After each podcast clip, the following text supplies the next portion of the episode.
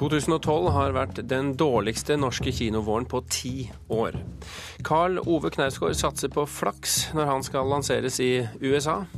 Man må ha, man må ha en veldig bra bok, og så må man ha flaks. Og arbeidsforholdene krigsreporter i Afghanistan jobber under, blir tøffere og tøffere for hver dag. Du hører på Kulturnytt med Birger Kolsrud Jåsund i studio. Kinobesøket på norsk film i vår har vært det dårligste på ti år. Før helgen hadde norske filmer bare solgt rundt 350 000 billetter så langt. En av grunnene er trolig mangelen på norske barnefilmer. Og Q.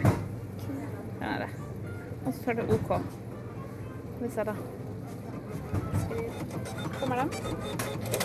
Ja, det er det. Øyvor Skofteland skriver ut kinobilletter på Saga kino i Oslo med døtrene Ingvild og Kristine. Skal se en som heter Katte i Paris. En katt i Paris er en fransk film, men hvor mange norske filmer har familien sett på kino i år? Og dette her eh, Nei, det er litt flaut. Jeg tror ikke jeg har sett noen. Jeg syns det er for få norske barnefilmer, for hvis de først går, så, er det veldig populært. altså. Vi går gjerne på dem. Eh, men det er jo ganske sjeldent. For norsk film har dette vært den dårligste kinovåren på ti år. Før helga hadde norske filmer i år bare solgt rundt 350 000 billetter, viser tall fra bransjeforeninga Film og Kino. Det er langt under halvparten av besøket på samme tid i fjor, og bare en fjerdedel av besøket våren 2009, da Max Manus herja som verst på norske kinoer. Ja, Det er jo skremmende dårlig, rett og slett. Det er jo nesten katastrofalt hvis man ser på tallene i forhold til hva det har vært tidligere i år. Det sier Geir Kamsvåg, redaktør for filmtidsskriftet Cinema. Blant filmene som har hatt premiere er Kompani Orheim og to Varg Veum-filmer. Men Kamsvåg tror det rekordlave billettsalget hovedsakelig skyldes at det ikke er kommet noen norsk familiefilm i vår. For liten satsing på norsk barnefilm.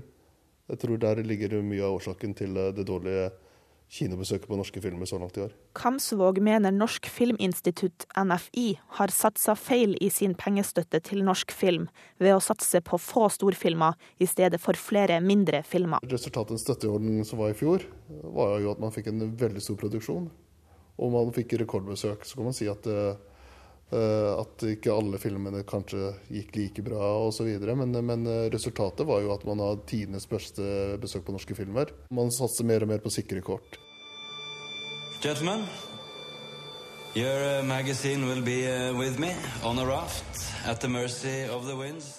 Den norske filmen Kon-Tiki er en av høstens storsatsinger, og får bl.a. støtte fra NFI. Vi tror det er viktig å støtte store filmer som kan fungere som lokomotivfilmer og trekke stort publikum. Sier avdelingsdirektør Ivar Køhn ved Norsk Filminstitutt. Storfilmene blir så godt som alltid lansert på høsten.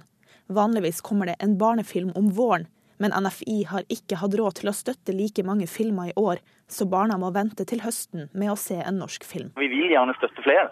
Eh, filmer er, er, blitt veldig dyr, og da har vi ikke råd til å støtte så mange filmer eh, som, vi, som, vi, gjerne ville gjort. Køen sier det kan være nødvendig å se på om de skal støtte flere mindre filmer, slik at flere blir lansert på våren. Tilbake på Saga kino har også Monica Andersen tatt med dattera på en utenlandsk barnefilm. Andersen syns det er synd at det ikke har vært norske barnefilmer på kino hittil i år. Nei, Det er jo fryktelig dumt, da. Det burde jo vært helt klart det blir mer ekte, da. Når de snakker norsk overfor barna. Så hadde det vært et tilbud, så hadde jeg sikkert valgt det. Mm. Kulturdepartementet opplyser at de vil se året under ett, og at det er uaktuelt å endre filmpolitikken på bakgrunn av kvartalstall. Reporter her, det var Hege Valenius. Karl Ove Knausgård kom i helgen til USA, hvor hans første bind av Min kamp nå skal lanseres. Hans amerikanske forlegger tror boken både vil forarge og begeistre leserne. Selv har Knausgård lave forventninger til USA-lanseringen. Det kan koke ned til flaks eller uflaks med anmeldelsene, sier han. Welcome everyone to this celebration of the Karl Ove Knausgård's My Struggle, Book One. Generalkonsul Sissel Breie ønsker velkommen til den amerikanske lanseringen av Karl Ove Knausgårds første bok i serien Min kamp. Vi er i det norske konsulatets representasjonsbolig her i New York. Den norsk-amerikanske forfatteren Siri Hustvedt skal intervjue Knausgård foran et femtitalls tilhørere. Uh, so privately is how deeply uh. Romanforfatteren Siri Hustvedt er født i Minnesota av norske foreldre. Som Knausgård er hennes romaner oversatt til en rekke språk. Hun har latt seg fascinere av Knausgårds bokprosjekt. I think it's a, quite an extraordinary uh, work. I've never read a book quite like it, and um, I found it moving and uh, intelligent. So I was. Hvilke forventninger har du til eh, lanseringen her i USA? Uh, jeg har egentlig ingen forventninger i det hele tatt. Jeg tar det som det kommer. Men jeg tror man må ha et uh, man må ha, man må ha en veldig bra bok, og så må man ha flaks. Uh, man kan få uflaks for en anmelder som ikke liker det i New York Times. Så blir det vanskelig. For man en som syns den er helt utrolig fantastisk, så, så begynner ting å hende. ikke sant? USA er land nummer 15 som nå gir ut første bind av Min kamp. Knausgård høstet nylig strålende kritikker i Storbritannia, og har tidligere fått svært god omtale i både Tyskland, Nederland, Sverige og Danmark. I USA får han denne uken drahjelp fra litteraturarrangementet Penword Voices her i New York. Festivaldirektør Laslo Orsos gleder seg til å presentere den norske forfatteren og hans livshistorie. Han mener Knausgård er en svært modig forfatter. And the way how he handles his own life, that really makes him not just a, a special writer, but a specially courageous writer. Knausgårds amerikanske forlegger Jill Schoolman tror amerikanske lesere vil la seg berøre av boken. You know, in, diff in different ways. I think some people might be disturbed by it, some people might be inspired by the storytelling, and um, I have a feeling it's going to do well. Do you think the American readers would uh, understand his Norwegian voice? I find his voice a human voice. I think, yes, he's talking about very Norwegian places and, and certain things and, and certain ways. The important part, the deepest part of it, is a human, a humanity and an honesty about, about people and families. Um, it, it feels, it really does feel universal and human. Når du tenker tilbake på det du har oppnådd i så mange land med boka di, eh, hvilke refleksjoner har du gjort om eh, den suksessen som disse bøkene har blitt? Det er veldig merkelig å tenke på, for det, det er jo så lokalt. Eh, ja, det vet jo du. altså Jeg skriver om Sørlandet, ikke sant. Og, og så ser det i en italiensk bok f.eks. at folk leser om Arendal eller Tromme, eller til og med Spones. Og relaterer seg til det, da. Og syns det er en helt naturlig ting. Det hadde jeg ingen tanke om i det hele tatt når jeg skrev. Hjemme i Norge er opplaget på de seks bindene i serien nå på 458 000. Her i USA venter nå flere lanseringsarrangementer både i New York og Washington. Og den beskjedne sørlandsforfatteren påstår han ikke vil bli skuffet dersom bind én får dårlige kritikker i amerikanske medier. Jeg har jo noen flere bind å by på, sier han med et lite smil. Jon Gelius, New York.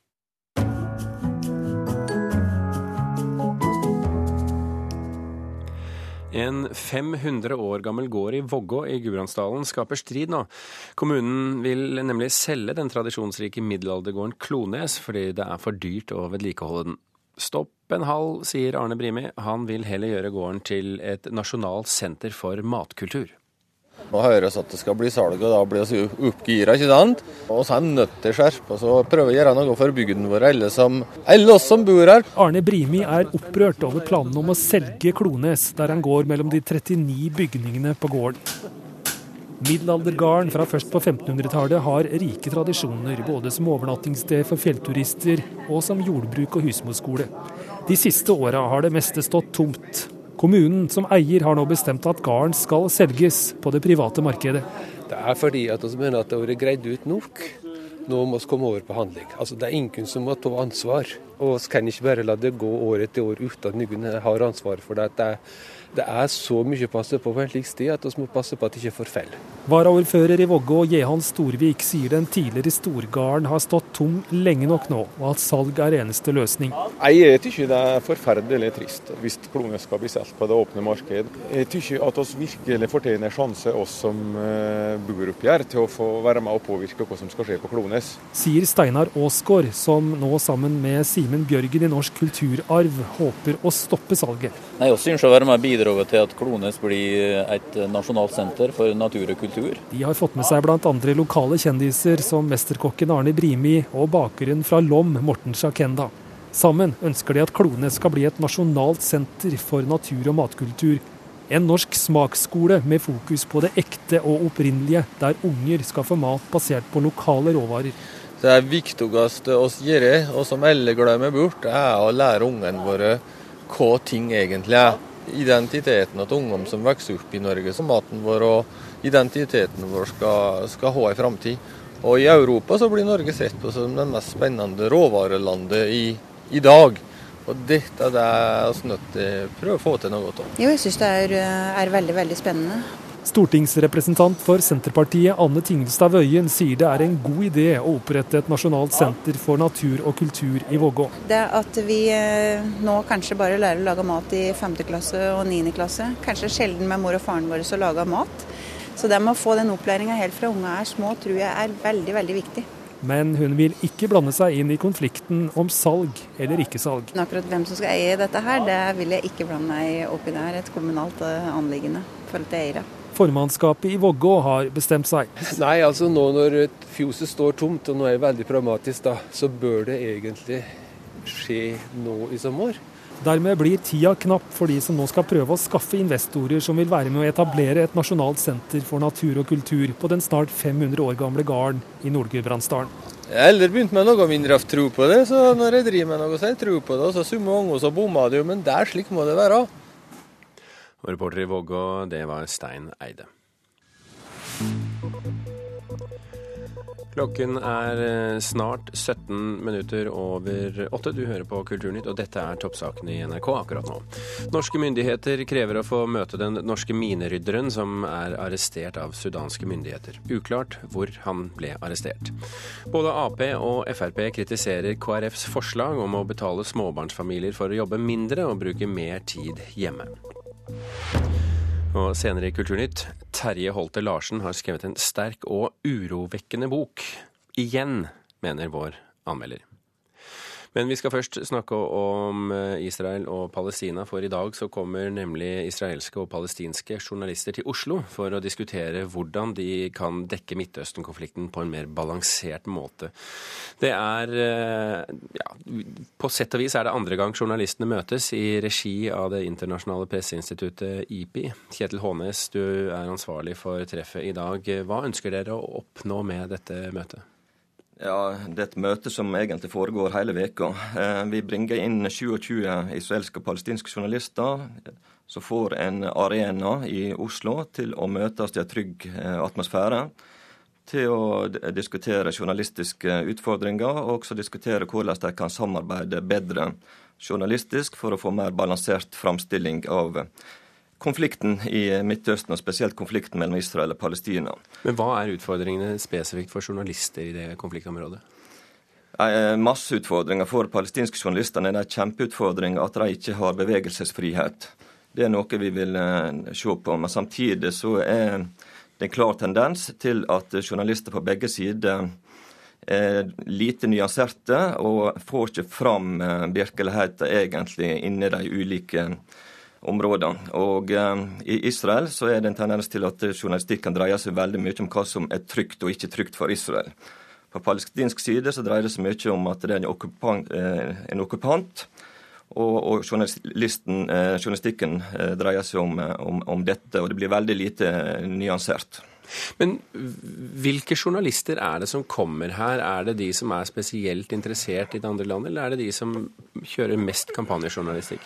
Nei, vi eh, eh, har veldig god eh, bredde og balanse. Vi har Den eldste er over 60 år og er en veldig kjent og respektert journalist. Den yngste 25 år. God balanse fra ulike mediehus. God balanse i kjønn. Så dette er et, et mangfold av journalister, og meninga er at vi skal, skal, på denne måten også rekke mange flere enn de 27 som kommer hit.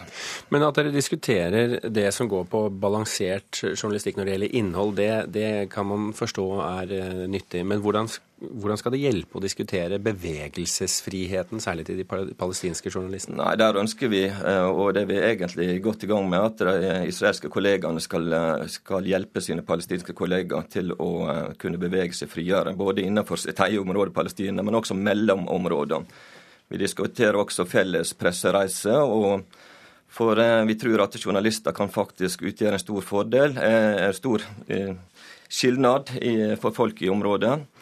Eh, men da må de nesten få lov å gjøre jobben sitt. Så, eh, så her er det at begge parter er profesjonelle og hjelper eh, hverandre. Det høres jo hyggelig ut, men, men det, har dere egentlig noe, noe, håp om at dere skal ha noen effekt på det, journalistikken i Palestina og Israel? Ja, det har vi absolutt. Og de som kommer, er høyt motiverte. Og veldig mange sier at dette har de venta lenge på. Men vi er nødt til å ta dem ut av regionen for at de kan samles i en trygg, trygg atmosfære. Og Derfor er Oslo valgt, også av deres eget ønske. Men er det de journalistene som trenger det mest, som kommer hit? Ja, eh, alle journalister trenger dette, men vi må starte en plass. Og, eh, og vi starter med Alle disse er veldig motiverte, og mange også eh, gjør dette ut fra en de har store problemer både å komme seg ut, spesielt palestinerne. Vi mister bl.a. tre fra Gaza. De kom ikke seg ut, men alle som kommer her, har er modige journalister som vil faktisk eh, være ekte journalister, profesjonelle journalister. og og har risikert ganske mye for, for, å møtes der. Derfor går vi heller ikke ut med navnene på de som er her. Dette er på sett og vis andre gang, for dere hadde et lite møte i, i fjor, men det er ikke i denne størrelsesorden. Um, merket dere noe forskjell etter det første møtet? Første møte hadde vi i Wien i juni i fjor. Det var en mindre skala. Det var en test på om, det, om dette var mulig. Dette møtet vi nå har i Oslo denne veka eh, er et resultat av at deltakerne sjøl så at dette var faktisk mulig å få til ting. Og nå går vi videre. Går mye videre. Og vi er i ferd med også å lage en bok i forhold til ord og uttrykk begge skal være forsiktige med å bruke sitt journalistiske arbeid. Men en av grunnene til at vi er i Oslo nå, er også 22.07. Vi vil se på hvordan norsk media håndterte 22.07. Og for palestinere og israelere så er det veldig eh, nyttig for dem å diskutere eh, terror, eh, krig, konflikt utenfor sin egen kontekst. Så Derfor bruker vi en hel dag på 22. juli. Kjetil Hånes, uansett lykke til med, med, denne uken. Tusen hjertelig takk for at du kunne komme til Kulturnytt. Tusen takk selv.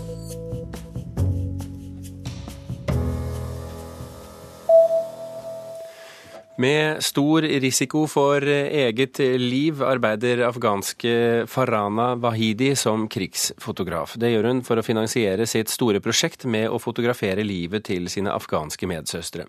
I helgen var hun på fotofestivalen Nordic Light i Kristiansund for å vise bilder og fortelle om sitt farlige arbeid som fotograf. It's getting tougher day by day to live and work as a photographer, as a female photographer there. And uh, it makes me worry. And sometimes, even when I'm sleeping, I wake up in the middle of the night and I'm like, Oh God, det blir vanskeligere og vanskeligere å arbeide som fotograf der. Noen ganger våkner jeg om natten og tenker på hva som vil skje. Vi vet ikke hva som vil skje etter 2014 når de internasjonale styrkene trekker seg ut. Må vi flykte? Vil vi bli drept? Vi vet ikke. Det sier den 27 år gamle afghanske fotografen Fasana Wahidi. Hun står midt på gulvet i galleriet omgitt av bilder hun har tatt av afghanske kvinner i burka, brudekjole, kvinner med små barn, mishandlede kvinner og smilende glade kvinner. When Taliban came to Afghanistan and the situation that uh, women uh, uh, were forced to, uh, to not be able to go to school, to work, had to stay at home, being beaten in the street, da Taliban kom til makten i Afghanistan og kvinnene ble nektet å gå på skole, arbeide, ble mishandlet uten noen grunn. Da måtte jeg bare finne en måte å vise omverdenen hva som skjedde.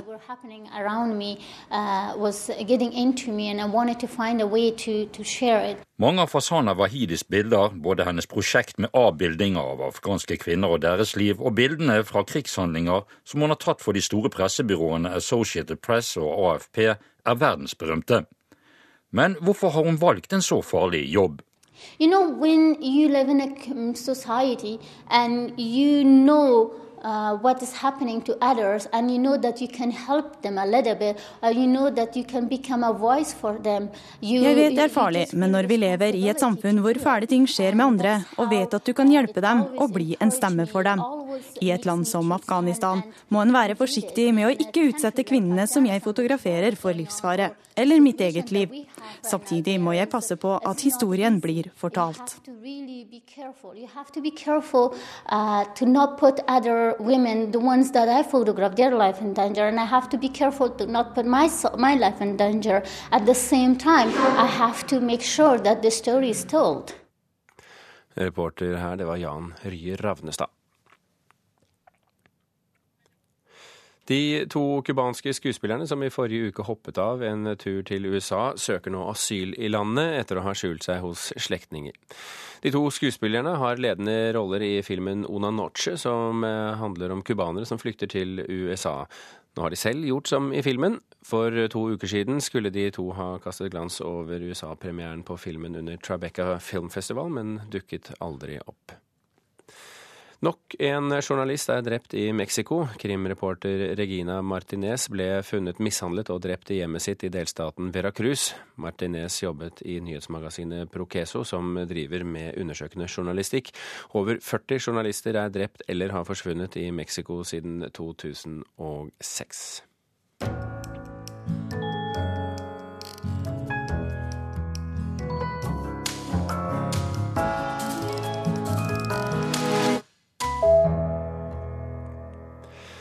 Hvis du er en av dem som har startet dagen med å lure på hva Kulturnytts litteraturanmelder Marta Norheim gjør nå på morgenkvisten, så kan jeg antageligvis hjelpe deg et stykke på vei. Jeg tror hun sitter ved kjøkkenbordet med en kopp kaffe, ser ut i luften og fremdeles tenker på Terje Holter Larsens siste bok 'Dilettanten'.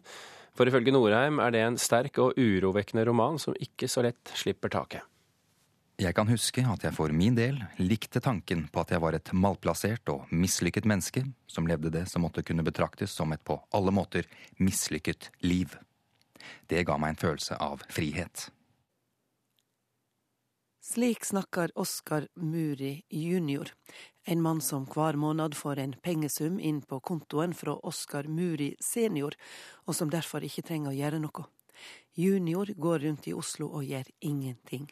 År ut og år inn gjør han ingenting, bortsett fra at han ei sjelden gang tek på seg smokingen og gir seg i vei til herreklubben The Dandy Dilettants, en klubb der denne verdens havarister dyrker ei grunnleggende overflatisk omgangsform.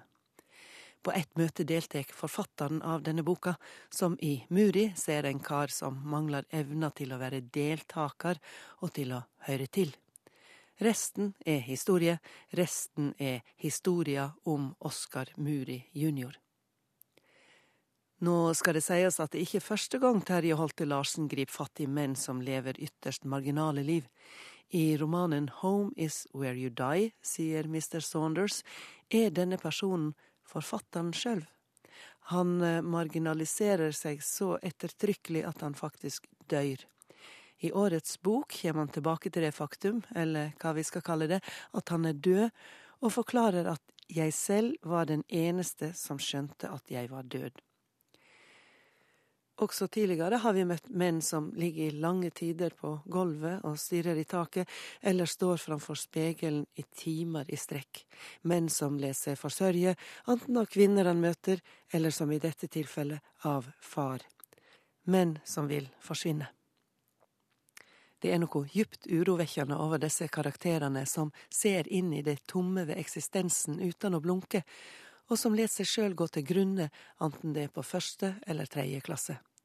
Det er også krevende å være leser når forfatteren bokstavelig talt dør mellom hendene våre, eller når vi får den litt ugne kjensla av at det er noe ved Oskar Muris versjon av historia som stinker. Det er vanskelig å lese Terje Holte Larsens bøker inn i den sjølbiografiske bølja.